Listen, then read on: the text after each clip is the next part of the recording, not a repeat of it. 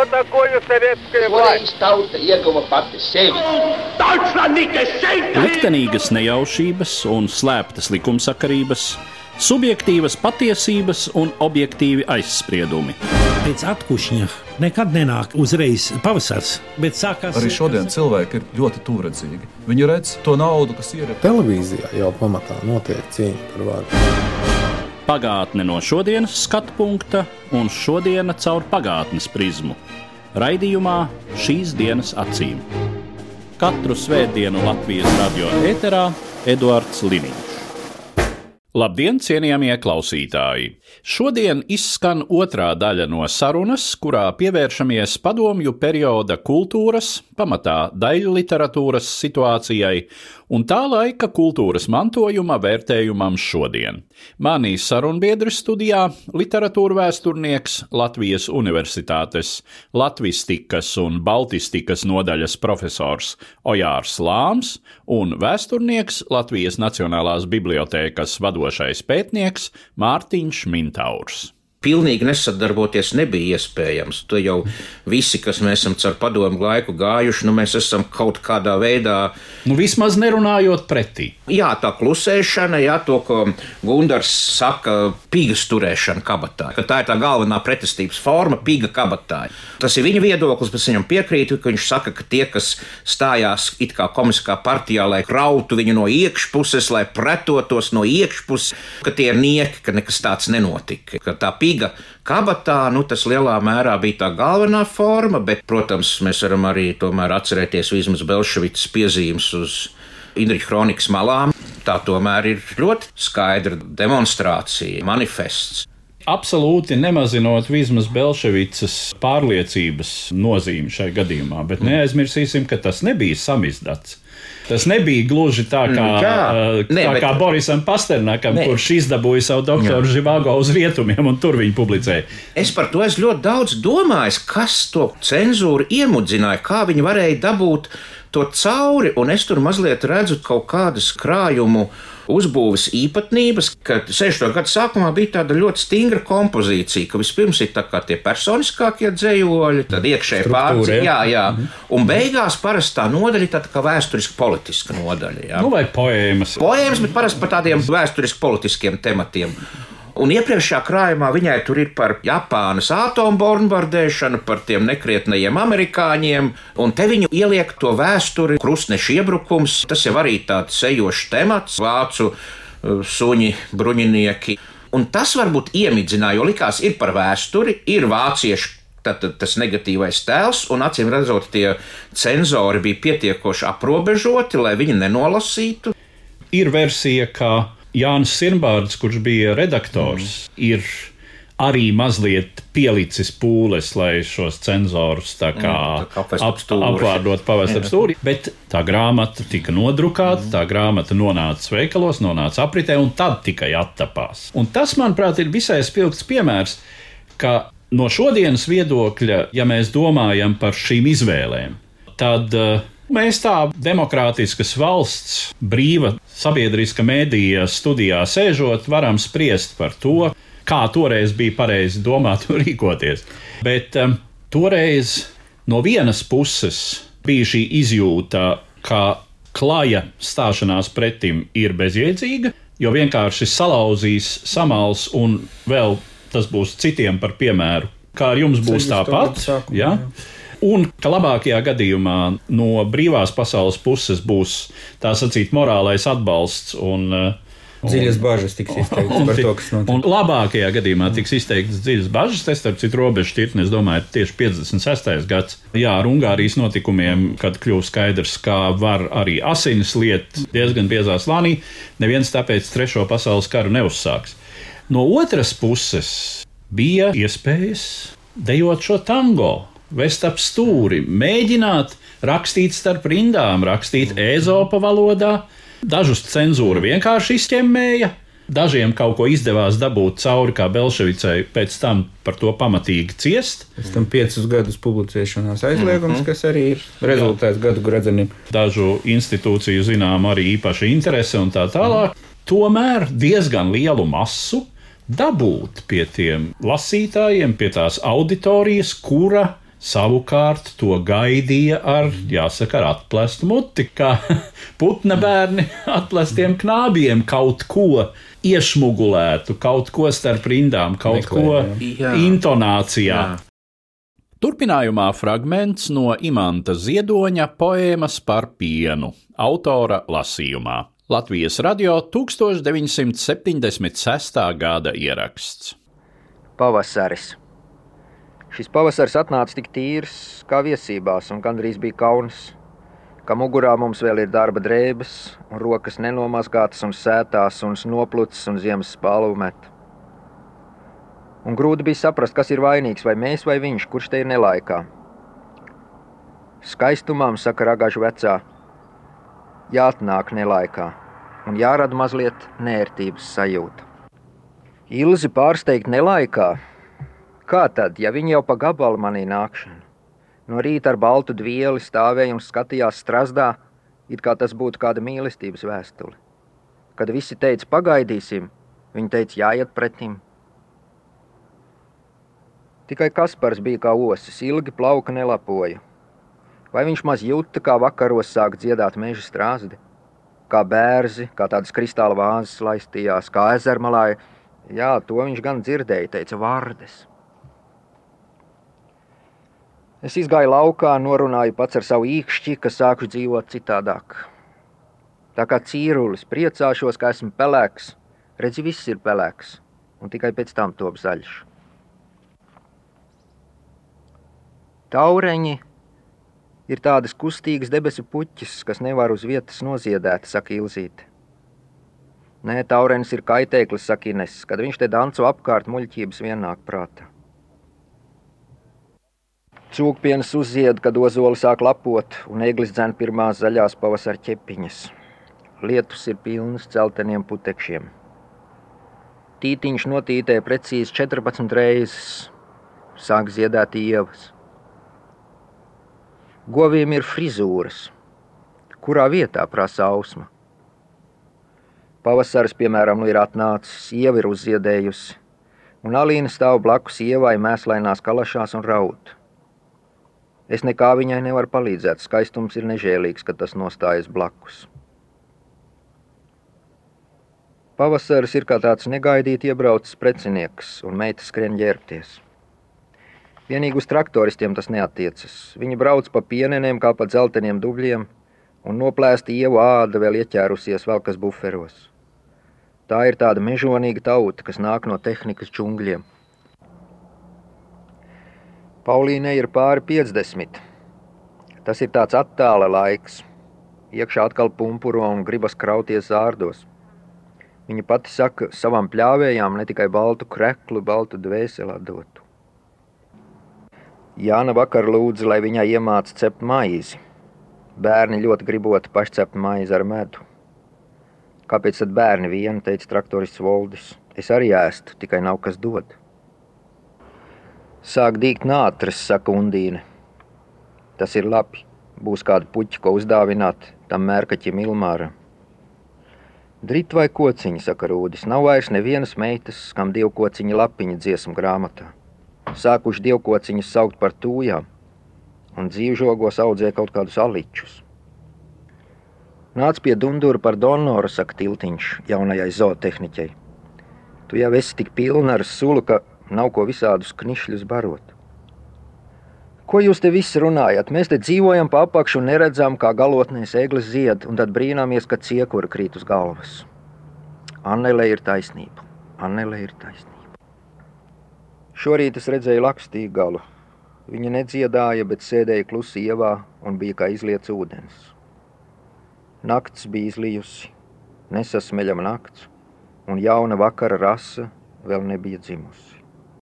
Mūsdienu jaunieši, kuri nav to piedzīvojuši, kuriem tas viss ir svešs, kā tu saki, kur arī sēž brīvas, demokrātiskas pasaules auditorijās, viņi to nesaprot. Un man students saka, ko mēs par to ziedot runāsim, tā taču ir popkultūra. Viņš tik ļoti daudz visur, kur ir dziesmās, kaut kādos teātros, visur.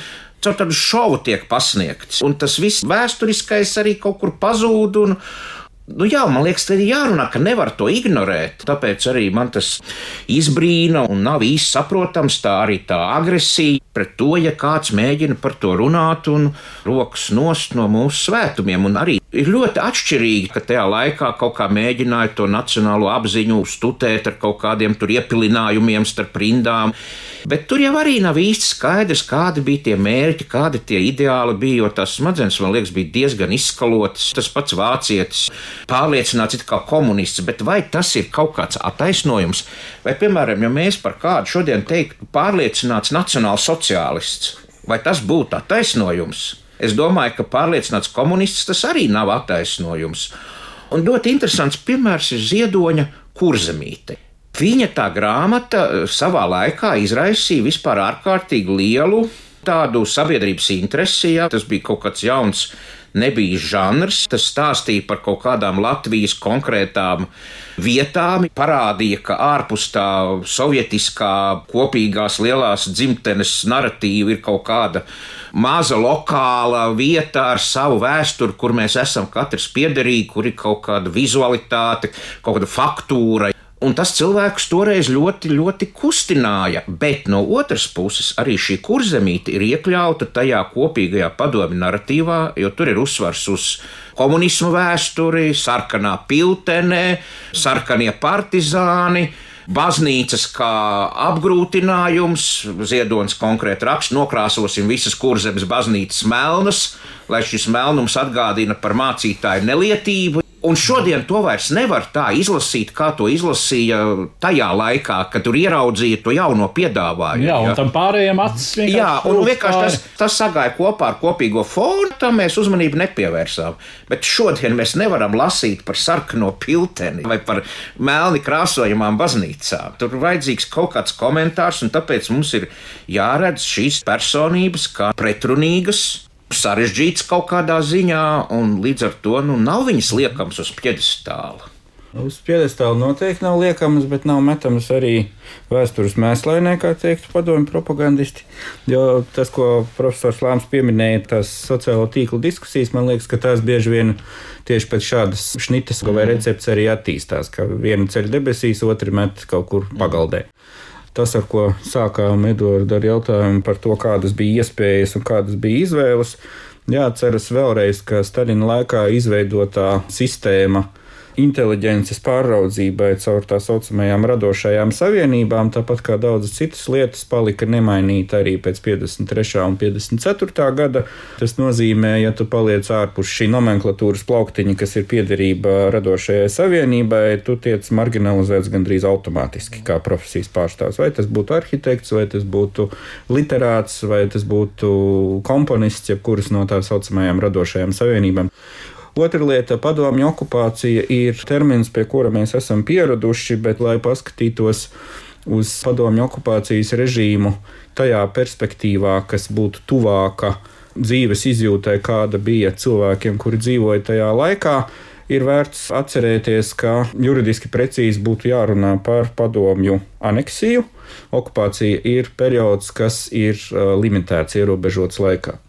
Mēs runājam par padomju okupāciju, mēs runājam par situāciju, kad nevis ir okupācija uz dažiem gadiem vai pat uz desmit gadiem, nu, mēs varam teikt, padomju režīms un tā emisāri, piemēram, aizgāja no Austrijas desmit gadus pēc otrā pasaules kara, 1955. gadā, nu, Baltijai nekas tāds nespīdēja. Mēs runājam par anektētu teritoriju, kas nozīmē pievienošanu, iekļaušanu, pakļaušanu juridiskajiem un citiem nosacījumiem, kādi ir okupētājas valsts rīcībā. Un man šķiet, atkal skatoties no distances uz šo situāciju, un arī atgriežoties pie jautājuma par izvēlēm, ka bieži vien ir runa par situāciju, kad cilvēks dzīvojot 55., 65., 75. un domāju pat vēl 85. gadā, saprot, ka šis režīms ir viņa dzīves laikam nolemts ar tādām vai citādām izmaiņām, ar lielāku vai mazāku skābekļa piegriešanu, kas, kā zināms, mainījās, un tie, kuri dzīvoja no 50. līdz 80. gadiem, paši uz savas ādas izjūta, kad vienu brīdi ir atkusnis, pēc tam atkal situācija mainās. Latvijas gadījumā, kāpēc 60. gadu otrajā pusē pēkšņi sākas kaut kādas dīvainas kustības, kultūras dzīvē tur ir vairākas lietas, kas notiek paralēli 66. gadā. Arvīts Pelša, kompartijas pirmais sekretārs, pārceļas uz Maskavu un ir tāds kā drusku starpvaru periods, kamēr nav skaidrs, kādu īstu politiku īstenos Augusts Voss viņa vietā, kas, protams, noskaidrojas līdz 68. un 69. gadam. Tad ir Rakstnieku savienības vadībā galama apvērsums 65. gadā, par ko ir Madara Eversona rakstījusi savos pētījumos, kas arī drusku izmaina to gaisotni, visticamāk, vismaz tajā burbulī, kas ir profesionālajā vidē. Un vēl man šķiet, ka runājot par padomju okupācijas laiku vai par to brīdi, kad mēs esam anektēti padomju savienības sastāvā, ka ir jāņem vērā situācija, kad droši vien cilvēki, tā skaitā literāti, kuri apzināti izvēlējās sadarboties ar padomju režīmu, gan tāpēc, lai tiktu pie Volgas, gan tāpēc, lai tiktu uz ārzemēm, gan tāpēc, lai nezaudētu savu statusu, Es domāju, ka tā laika paudze labi saprata, ka neko vairāk par kultūras autonomiju padomju režīmā mēs nedabūsim. Un tas ir pamatojums tam, kāpēc mēģināja caur zemtekstiem dabūt iekšā kaut kādas lietas publicējumos tekstos. Un tas ir pamatojums kaut kādā mērā arī kolaborācijai Un tas nekādā gadījumā nav universāls attaisnojums ikvienai sadarbības epizodē, bet ir jāņem vērā, ka droši vien tā gaisotne bija tāda, ka maksimālais, uz ko mēs varam cerēt padomi režīmā, ir kaut kāda šaurāka vai plašāka kultūras autonomija, ko mēs varam no šī režīma dabūt latviešu valodas lietošanai, latviešu literatūras mācīšanai skolā un šīs nācijai svarīgās saiknes uzturēšanai. Tā kā Nemēģinot attaisnot jebkuru kolaborācijas gadījumu ar padomju režīmu, es tomēr uzskatu, ka ir jāskatās precīzi tieši tā laikmeta kontekstā, jo 50. gadi ir viena situācija, kā jau mēs par to runājam, 60., 70., 80. gadi ir cita, jo vairāk režīms atļāva kaut ko darīt jo divdomīgāka kļūst situācija, kurā bija cilvēki, kuri, teiksim, 60. gados publicēja dzējoli, un tā jau bija atļaušanās, un tas bija nepatīkams fakts. Piemēram, tā pati Belšvicas grāmata gadu gredzeni diezgan lielu troksni sacēla. Padomju aprindās par to ir kolēģi Daina Blēra rakstījusi savulaik bija 2006. gadā konference par Vizmas Belšvicas daļradu, tur viņai ir interesants raksts par šo tēmu, kāda bija partijas ideologu reakcija uz gadu gredzeniem un vispār uz šo vēstures tēmu 60. gadu beigās un 70. gadu pašā sākumā, ko partijas aparāts varēja izdarīt eh, pret šādu tēmu aktualizāciju ko nē. Cik lielā mērā viņi saprata, par ko ir runa un cik lielā mērā viņi izlikās, ka tas jau nav nekādā veidā saistīts ar aktuālām lietām, bet tur tiešām ir par suņiem bruņiniekiem par 13. gadsimtu.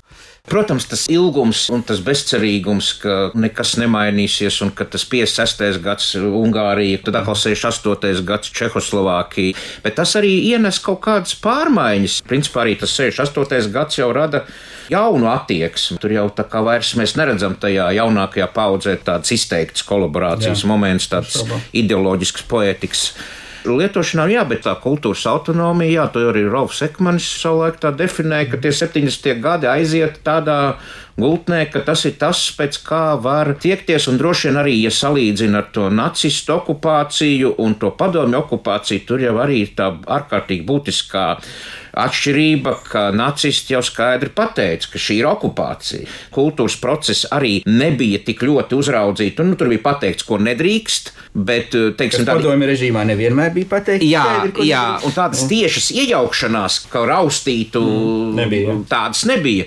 Bet 40. gads jau atnāca uzreiz ar vēstures narratīvu falsifikāciju, ka te ir revolūcija, ka tā ir darba ļaužu vara. Dokumentu krājumā par padomu laiku ir ielikti fragmenti no LPSR konstitūcijas, kur ir definēts, ka Latvijas padomju sociāliskā republika ir suverēna valsts. Un tad, tad šādā melu atmosfērā, protams, arī cilvēki apjūk. No vienas puses viņi zina, ka kā bija tā valsts starp kariem, bija kaut kāda neatkarība.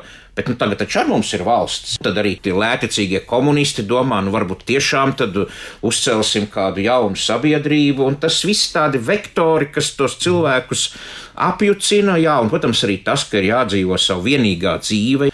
Tas režīms ir manam mūžam nolemts, tad man ir jāatrod veids, kā dzīvot. Bet eh, te man tāda mazliet atkal tālāka paralēle ar gan ne tādu okupācijas, bet arī ar totalitāru režīmu. Tas ir Franko režīms Spānijā, kurš arī ilga diezgan ilgus gadus, un kur arī droši vien bija šī sajūta, ka tas ir manai dzīvei.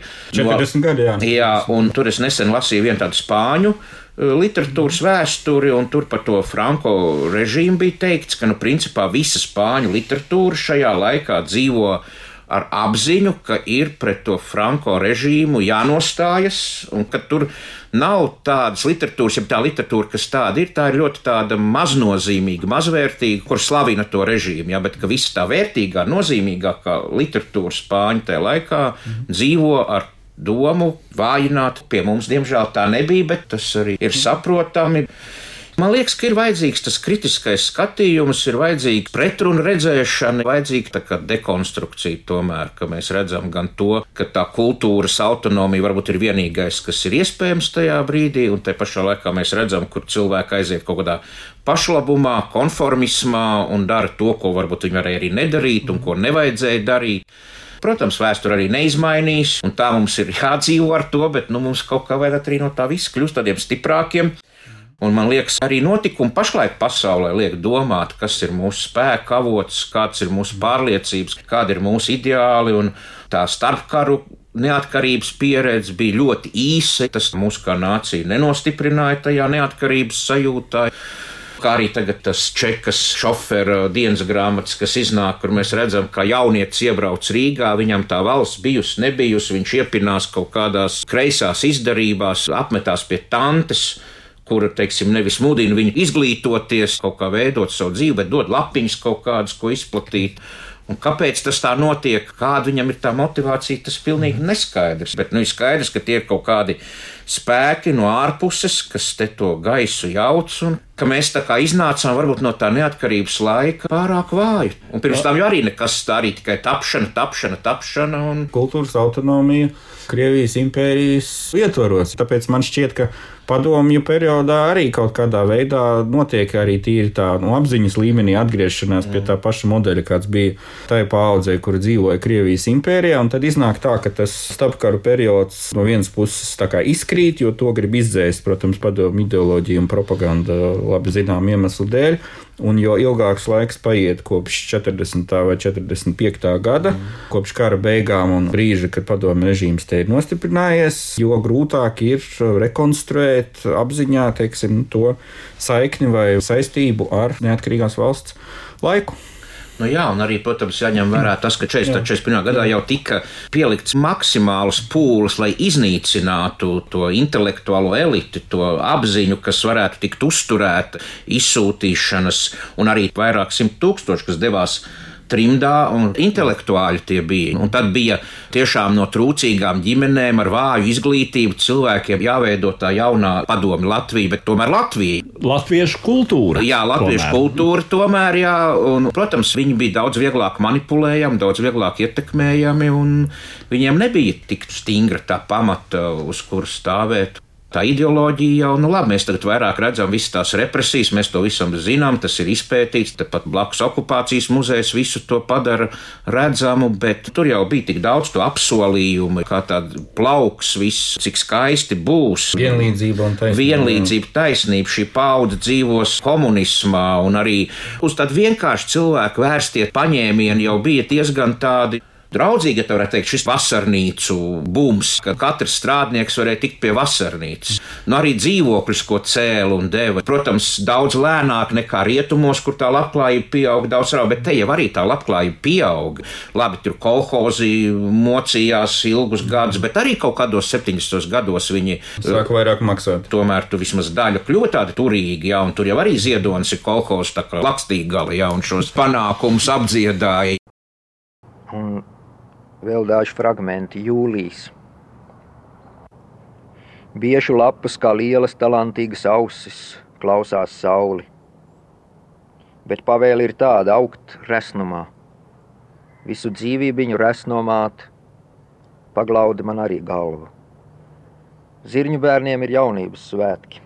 Pa septiņu rindiņā pākstīja lielajā svētku dārzā, Tie pusbrieduši klausās, ko stāsta tiem vecais sēklas burkāns par kolektīvismu izjūtu.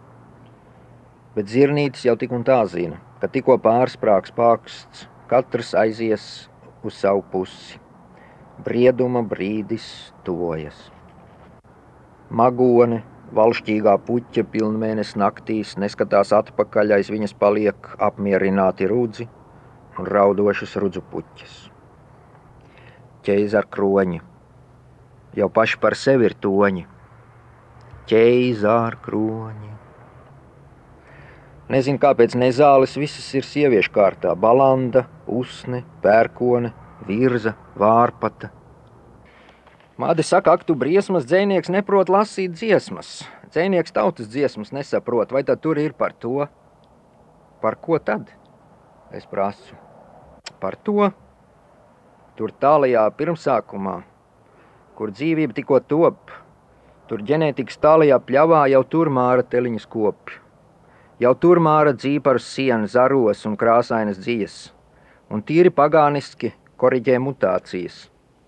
Ņem teliņa dvēseli, saspiež un palaiž vaļā, lai tajā kā švammē iesūcas viss, un tā viņa teliņus ieprogrammē.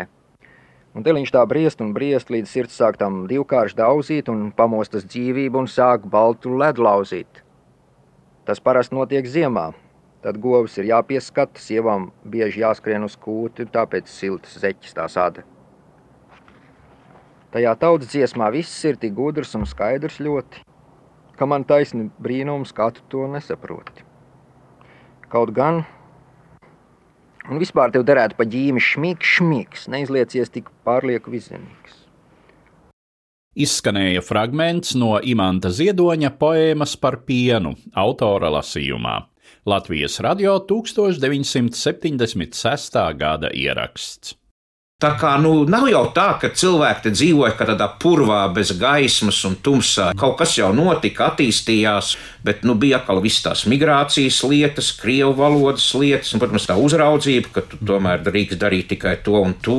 Un... Kas arī uzturēja droši vien to skepsi pret padomu režīmu, tieši tas, par ko nedrīkstēja runāt un izpausties presē vai kaut kur atklāti par migrāciju un par rusifikācijas spiedienu un tam līdzīgi. Un tas pasargāja no tādas pārāk lielas nostalģijas pēc padomu laikiem. Un tajā pašā laikā jau arī bija tādi ventilīši, kur to gaisu tomēr bišķi nolaid, piemēram, satīra žurnāls Dācis. Par tādām sadzīviskām lietām, sadzīviskām nepilnībām jau tur it kā bija tāda atklātība, ja tur jau drīkstēja kritizēt. Un daudzi cilvēki ir teikuši, vai cik žēl, un nebūtu nepadomiski noskaņot, vai cik žēl, ka vairs nav tā kā bija padomu laikā, kad varēja aiziet uz partijas komiteju un pasūdzēties. arī par tādām sadzīviskām lietām, bet arī par nopietnākām. Tāpēc tajā ikdienas dzīves līmenī, protams, padomu režīms jutās samērā stabils tieši tās politikas dēļ, par ko profesors Lāns stāstīja, un ka tas arī radīja to bezgalīgās tagadnes sajūtu droši vien.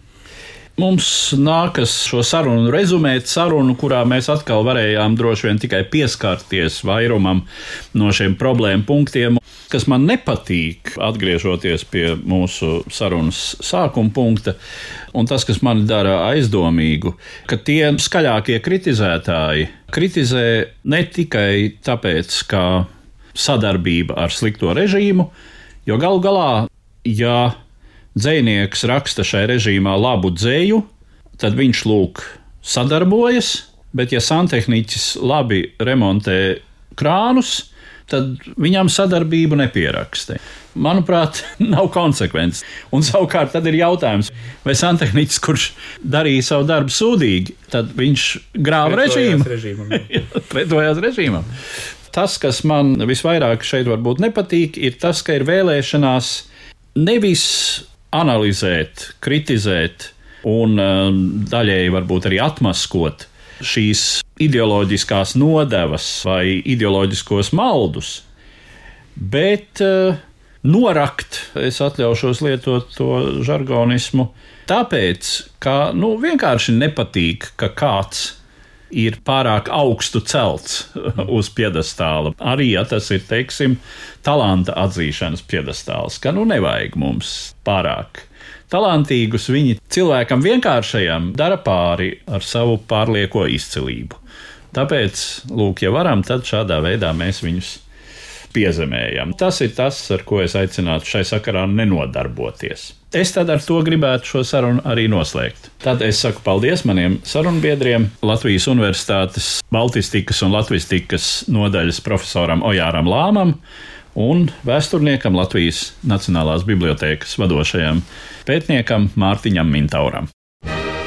Katru svētdienu Latvijas radio viens par pagātni sarunājas Eduards Līniju.